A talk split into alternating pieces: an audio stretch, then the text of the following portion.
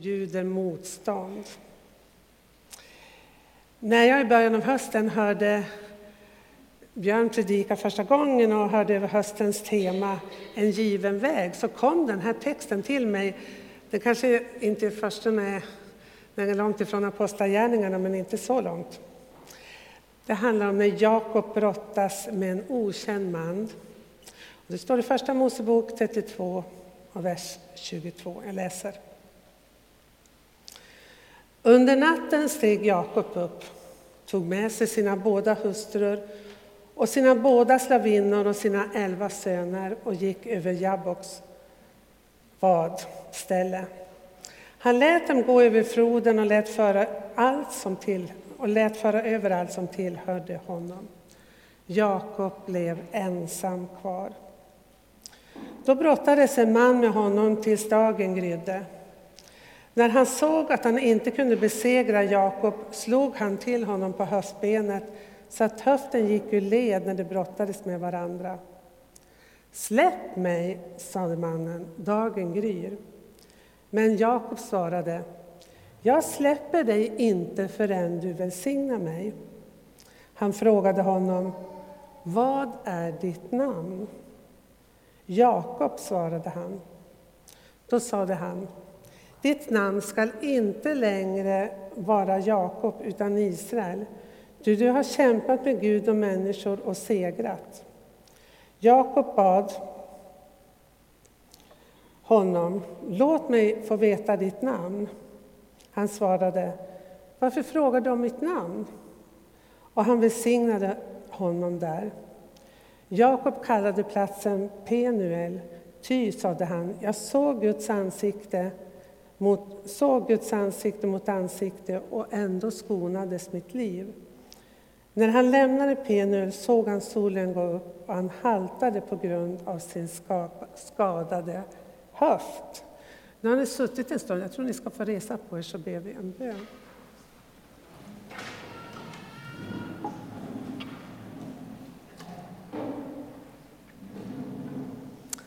Herre, tack för att du mötte Jakob där vid Jabbots vad.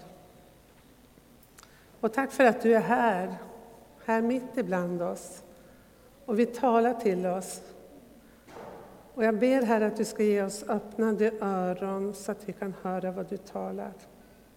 I Jesu namn. Amen. Varsågod och sitt.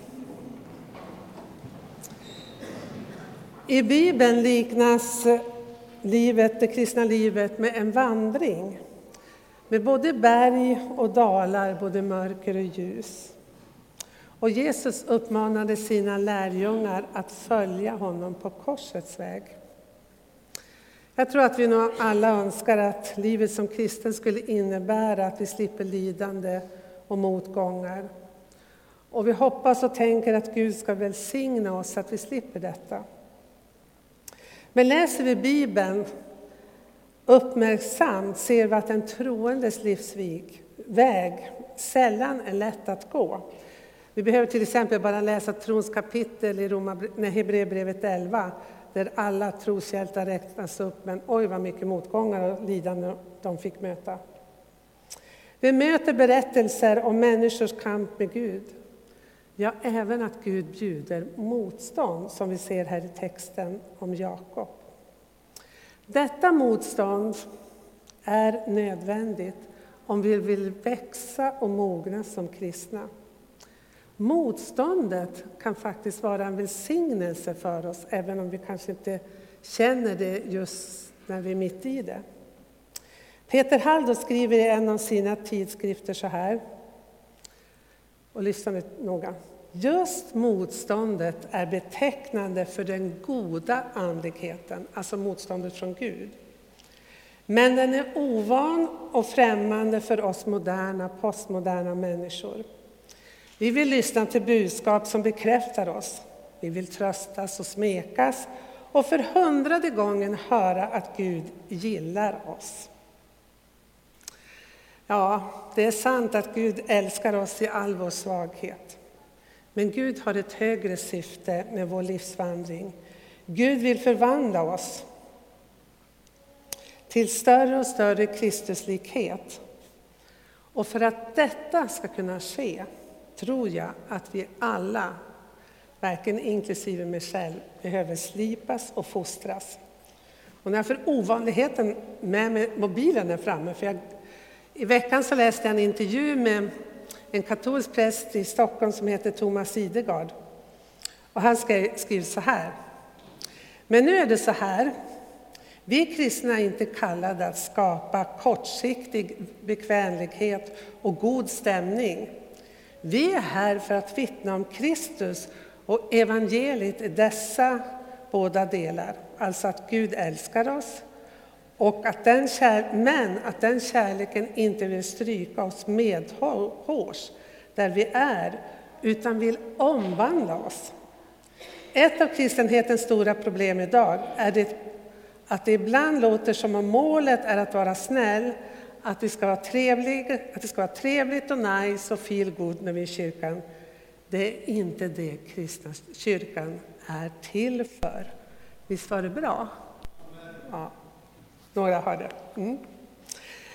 En av Bibelns mest spännande människor är faktiskt Jakob och berättelsen om hans liv. Men när jag förberedde den här texten så tänkte jag, nej, jag tror inte att jag skulle vilja ha Jakob som min bror. Och jag skulle inte välja, om jag fick möjlighet, honom som svärson. Ni kan ju tänka efter, ni som känner berättelsen.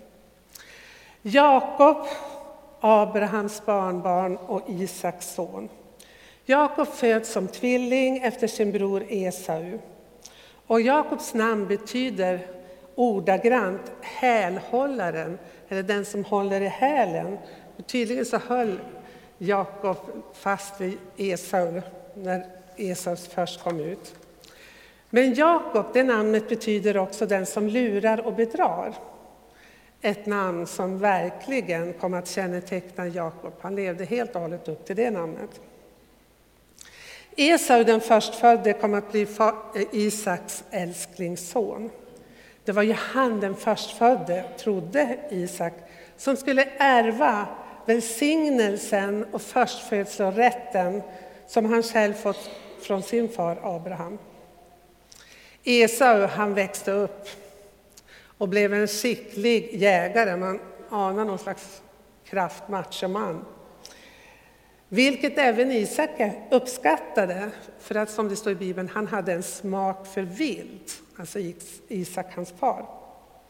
Jakob däremot, däremot, han var sin mors älskling, en riktig mammapojke. Älskad och omhuldad.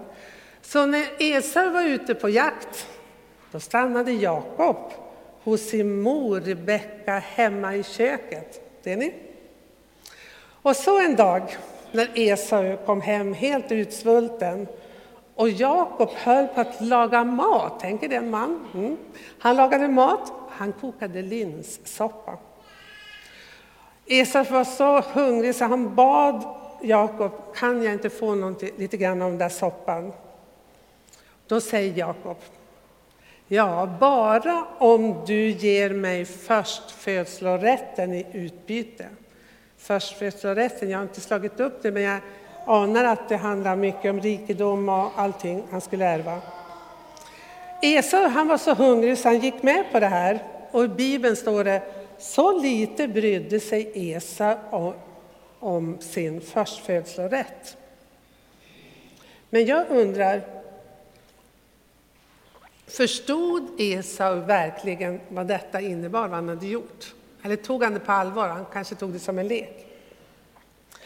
Men när Jakob lite senare en dag, ivrigt påhejad av sin mor, lurar far på fars välsignelse, då blir Esau verkligen rasande. Och välsignelsen är den välsignelse som Isak själv hade fått av Abraham, att Gud skulle välsigna honom och hans ättlingar. Och den välsignelsen ville han ge vidare då, i första hand till sin äldste son. Rebecka hon eh, ja, intrigerade och påskyndade det här genom att hon sa till Jakob, han klädde sig, Esau var ute på jakt och Jakob var hemma hos mor naturligtvis. Och Rebecka sa, ta på dig Esaus festkläder. Och han klädde ut sig med lite fårsinnos också. Och då ska jag laga Isaks älsklingsrätt. Och du ska gå in till honom och be honom välsigna dig. Och Isak som var gammal och hade dålig syn kunde inte med sina ögon se vilken son det var som kom in och gav honom maten. Men han var lite undrande, så han frågar Två gånger frågar Isak Jakob, vem är du? Och Jakob ljuger sin far rätt upp i ansiktet och säger, jag är Esau, din förstfödde. Tala om fräckhet. Och Isak välsignar Jakob i tro att det är Esau han välsignar. Jakob lurar alltså sin far och blir välsignad. När Esau får höra det, då fylls han av vrede och mordlust. Han säger att han vill mörda Jakob, men han ska vänta tills hans gamla far inte längre lever. När Rebecka får höra det uppmanar hon Jakob att fly till sin morbror Laban, som bor långt borta, för att komma undan sin bror. Ja, det här är en lång berättelse, ni kan läsa det själv, men jag vill säga några saker till. Men där hos morbrodern får Jakob själv uppleva den smärta det innebär att bli bedragen av en nära anhörig. Jakob blev nämligen handlöst förälskad i Rakel redan när han första gången ser henne. Hon var tydligt väldigt vackert och välskapt, står det också i, i Bibeln. Så när Laban frågar Jakob, vad kan jag göra för dig? Då säger Jakob så här, jag är beredd att jobba för dig i sju år, det är istället för hemgift, om jag får Rakel till hustru. Och Laban lovar honom det. Men så vet ni hur det går.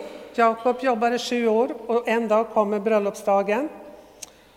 Och först på morgonen efter bröllopsnatten inser Jakob att han har blivit lurad.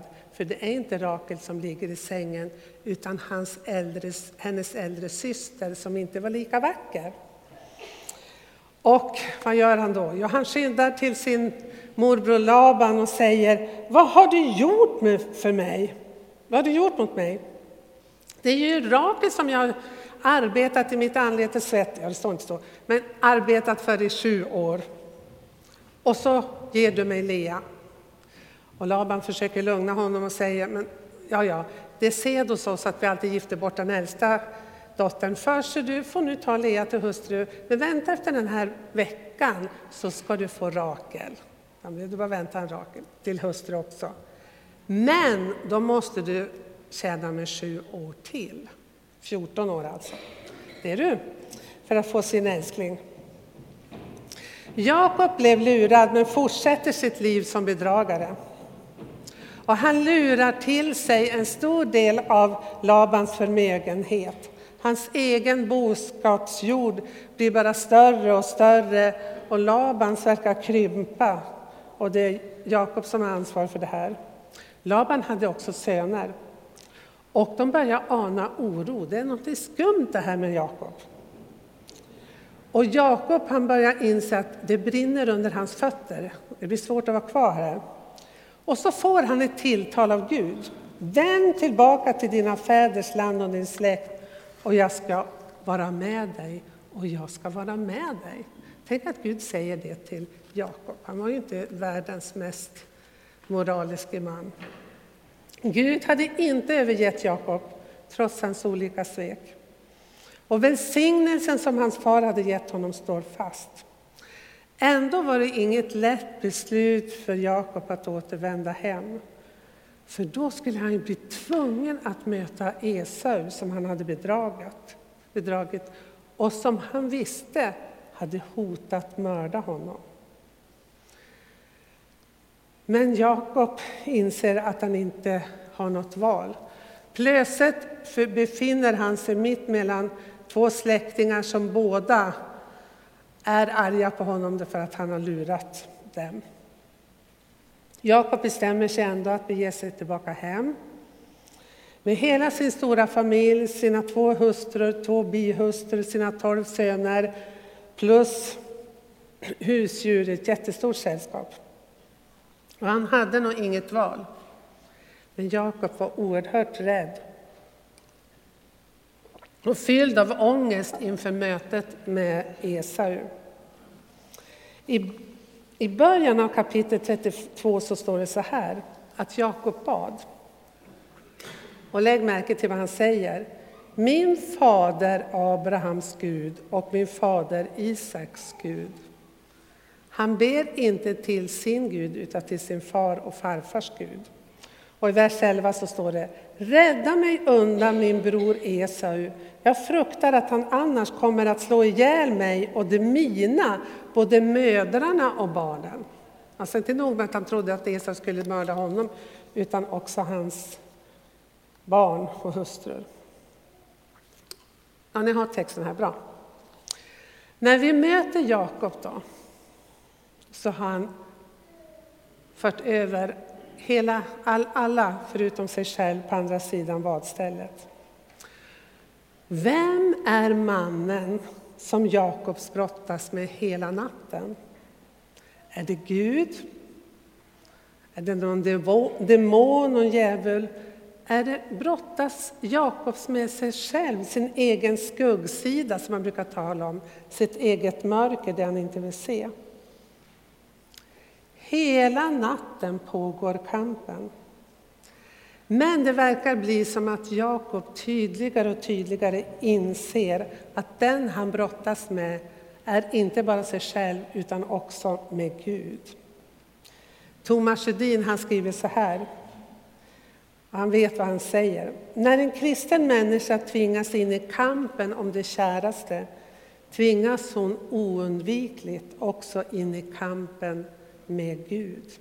Och visst är det så, när vi drabbas med motgångar på olika sätt i livet så är det inte bara kampen för våra näraste eller för oss själva utan också en kamp med Gud. I nattens mörker kämpar Jakob sin kamp med Gud och sig själv. En kamp som kom att förändra honom för alltid. Och han blev märkt av kampen för han får ett slag på höften. Så hela Resten av sitt liv så haltar han. Jakob är ändå uthållig hela natten. Man kan ju kalla det här för en brottningskamp eller en bönekamp. När Jakob inser att mötet med sin bror och fiende som han har bedragit är oundvikligt, nu kommer han tvingas möta Esau, så inser han också att han är totalt beroende av Guds välsignelse. Kan vi ta nästa bild om den kommer fram? Och då säger Jakob de här orden. Jag släpper dig inte förrän du har välsignat mig. I varje livskris du och jag hamnar i, så, hamnar i, så inbjuder Gud oss till att hålla fast vid honom. Att inte släppa taget. Ni vet att jag jobbar med mycket retriter och är väldigt influerad av retreatrörelsen. Och jag har varit hos en del andliga vägledare och när jag kanske kommer fram med något bekymmer eller något som är jobbigt och så, ja, som man berättar om, då säger de så här. Men vad är det Gud inbjuder dig till i den livssituation du just nu befinner dig? Vad vill Gud med dig? För det är motståndet i mörkret, i natten, som vi verkligen kan få möta Gud. Men det är viktigt att vi inte släpper taget utan att vi håller fast vid Gud, precis som Isak gör. Om vi gör det, då kan kriserna som vi möter och brottningen bli till en välsignelse och framförallt leda till en fördjupad relation med Gud. Jakob har fram till denna stund mest handlat i eget intresse. Han har varit sin egen herre. Han kallar inte ens Gud för Jakobs Gud. Men nu inser han att han är fullständigt beroende av Gud och Guds välsignelse. Gud svarar Jakob på hans fråga, jag släpper dig inte med mer än att du välsignar mig, så säger han, vad är ditt namn? Och kom då ihåg, när Jakob kom in till hans far Isak, då frågade också Isak, vem är du? Alltså vad är ditt namn? Och då ljög han. Men här säger han sanningen, jag är Jakob. Han tvingas att uttala sitt rätta namn, som också betyder bedragaren. Nu är det sanningen som gäller. Men då, när Gud, Jakob i sin förtvivlan möter Gud ärligt och naket och uttalar sitt namn, då får han ett nytt namn. Gud säger, ditt namn ska inte längre vara Jakob, utan Israel, ty du har kämpat med Gud och människor och segrat. Från denna stund kallas Abraham, Isak och Jakobs ättlingar för Israels folk, alltså judarna, Israels folk. Och tänk då att det namnet Israel betyder det folk som kämpat med Gud och människor. Och det kan vi verkligen se i historien. Ett folk som har brottats med sin Gud i med och motgångar, men som också Gud välsignat. Men det intressanta är att Jakob verkar ändå behålla sitt namn, för genom hela Bibeln så talar man om Abraham, Isak och Jakobs Gud. Abraham, Isak och Jakobs Gud. Alltså, dessa tre patriarker var ingen av dem fullkomliga, absolut inte Jakob. Men ändå blev de välsignade av Gud och fick möta honom. Jakob han frågar då också, låt mig veta ditt namn. Och mannen, eller Gud svarar, varför vill du veta mitt namn? Och så välsignade han honom. Mannen, hela den här brottningskampen slutar med att han blir välsignad av Gud. Och Jakob själv kallar platsen Penuel, för han säger att jag såg Gud ansikte mot ansikte och ändå skonades mitt liv. Lägg märke till den förundran som Jakob känner över att få, ha fått skåda Gud ansikte mot ansikte och ändå skonas. Han, han dog inte. För i Bibeln, i Gamla Testamentet, står det också att ingen kan se Gud och leva. Det är en tanke som återkommer. Och i psalm 130 står det så här, om du lade synder på minnet, Herre, Herre, vem kunde då bestå? Jakob hade mycket synder på sitt samvete, men mötte ändå Guds nåd och välsignelse. Ja, hur går då mötet med brodern Esau? Det är jättespännande. Det får vi följa i kapitel 33. Jakob, han visste att Esau kom emot honom med 400 man, troligtvis eh, beväpnade. Och han fördelade barnen mellan Lea, Rakel och de båda slagkvinnorna. Och det står så här att slagkvinnorna och deras barn går längst fram. Alltså han skickar barnen och hustrurna framför sig. Man kan ju undra om det var smart, ja. Han hoppas i varje fall att Esau ska liksom blidkas av det här. Nej, han skickar dem inte framför sig. Han går ju framför barnen och hustrurna. Och så står det Jakob bugar sig sju gånger till jorden ända fram till Esau. Han verkligen ödmjukar sig inför Esau. Men vad gjorde Esau? Är det någon här som vet vad Esau gjorde?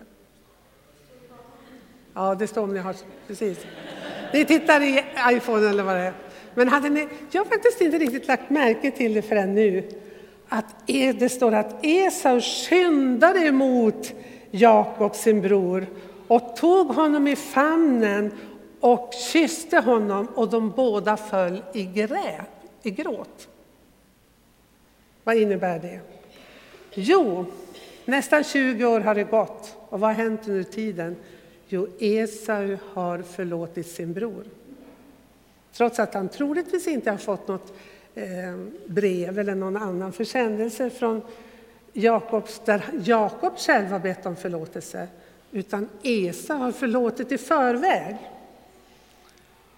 Och det finns två personer i Första Mosebok som är verkliga förebilder på det här. Den ena är Esau som förlåter sin broder som har bedragit honom.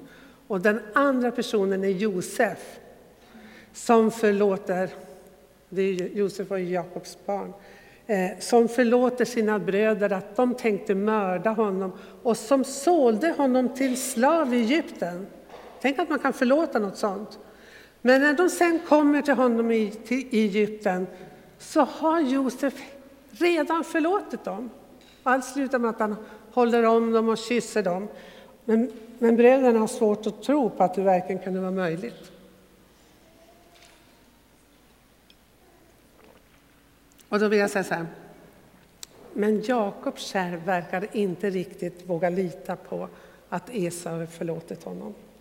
Så när Esau föreslår att de ska fortsätta vägen tillsammans så säger Jakob att ja, men du kan gå före så kommer jag efter lite sakta med mitt följe. Men vad gjorde han? Han, Jakob tog en helt annan väg. Alltså det här med luras och bedra, det verkar han inte ha lagt bakom sig. Han, men kanske var det så att Jakobs egen skuld stod i vägen. Och då vill jag avsluta med att säga så här. Vad brottas du med i ditt liv? Är det något du flyr ifrån? Vill vi leva med Gud kommer livet förr eller senare ikapp oss. Alltså det som vi flyr ifrån, vår livssmärta som andra har tillfogat oss eller som vi har tillfogat dem. Brottningskampen med Gud vi då förs in i handlar om det förflutna kanske som kommer ikapp oss, men också kanske det vi mitt, står mitt i. Och kanske du finns här som står mitt i, du upplever ett mörker, ett otroligt motstånd. Det är kanske är en förlust, du har förlorat någon nära anhörig, någon har svikit dig, en anhörig sjukdom, en annan motgång i livet. I varje motgång så är uppmaningen att inte släppa taget om Gud. Att hålla fast vid Gud och mer fundera på, men Gud vad vill du med mig i den här svåra situationen? Än att fundera på hur ska jag kunna hämnas den som gjort mig illa. Gud inbjuder oss i varje livskris att hålla fast vid tron på Guds godhet. Gud vill även att vi inser vårt behov av ständig omvändelse från vår självupptagenhet. Den kamp vi, vi oj vad länge jag predikar, den kamp jag håller på, vi dras in i, ofta en kamp om att erkänna sin egen självupptagenhet, sin egen själviskhet. Vi vill ha det på mitt sätt. Andra ska bete sig mot mig, de ska vara snällare mot mig än kanske jag är mot dem till och med. Gud vill hjälpa oss att förlåta och försonas även det som kan synas helt omöjligt. Och även när andra som har gjort oss illa inte kommer och ber oss om förlåtelse. Då får vi göra som Esau, då får vi göra som, som Josef, förlåta i förväg. Detta är vägen till frihet och helande. Och I Nya testamentet, när man läser där, så återkommer det gång på gång att vi ska förlåta. Till exempel i Efesierbrevet 4, som jag har läst många gånger den senaste tiden, 32. Jag ska strax stanna. Efesierbrevet 4, 32. Var goda mot varandra. Visa medkänsla och förlåt varandra. Liksom Gud har förlåtit er i Kristus. Ta alltså Gud till föredöme, lev i kärlek. Alltså varje gång vi förlåter någon som gör oss illa så har vi tagit Gud till föredöme.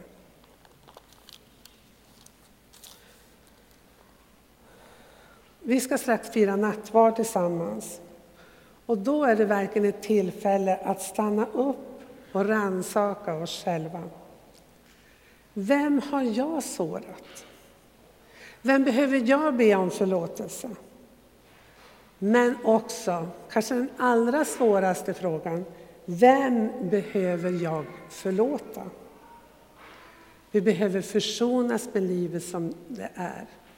Och Jesus Kristus som själv dog på korset och som på korset sa förlåt dem för de vet inte vad de gör. Han är vår stora förebild och det är honom vi följer. Amen.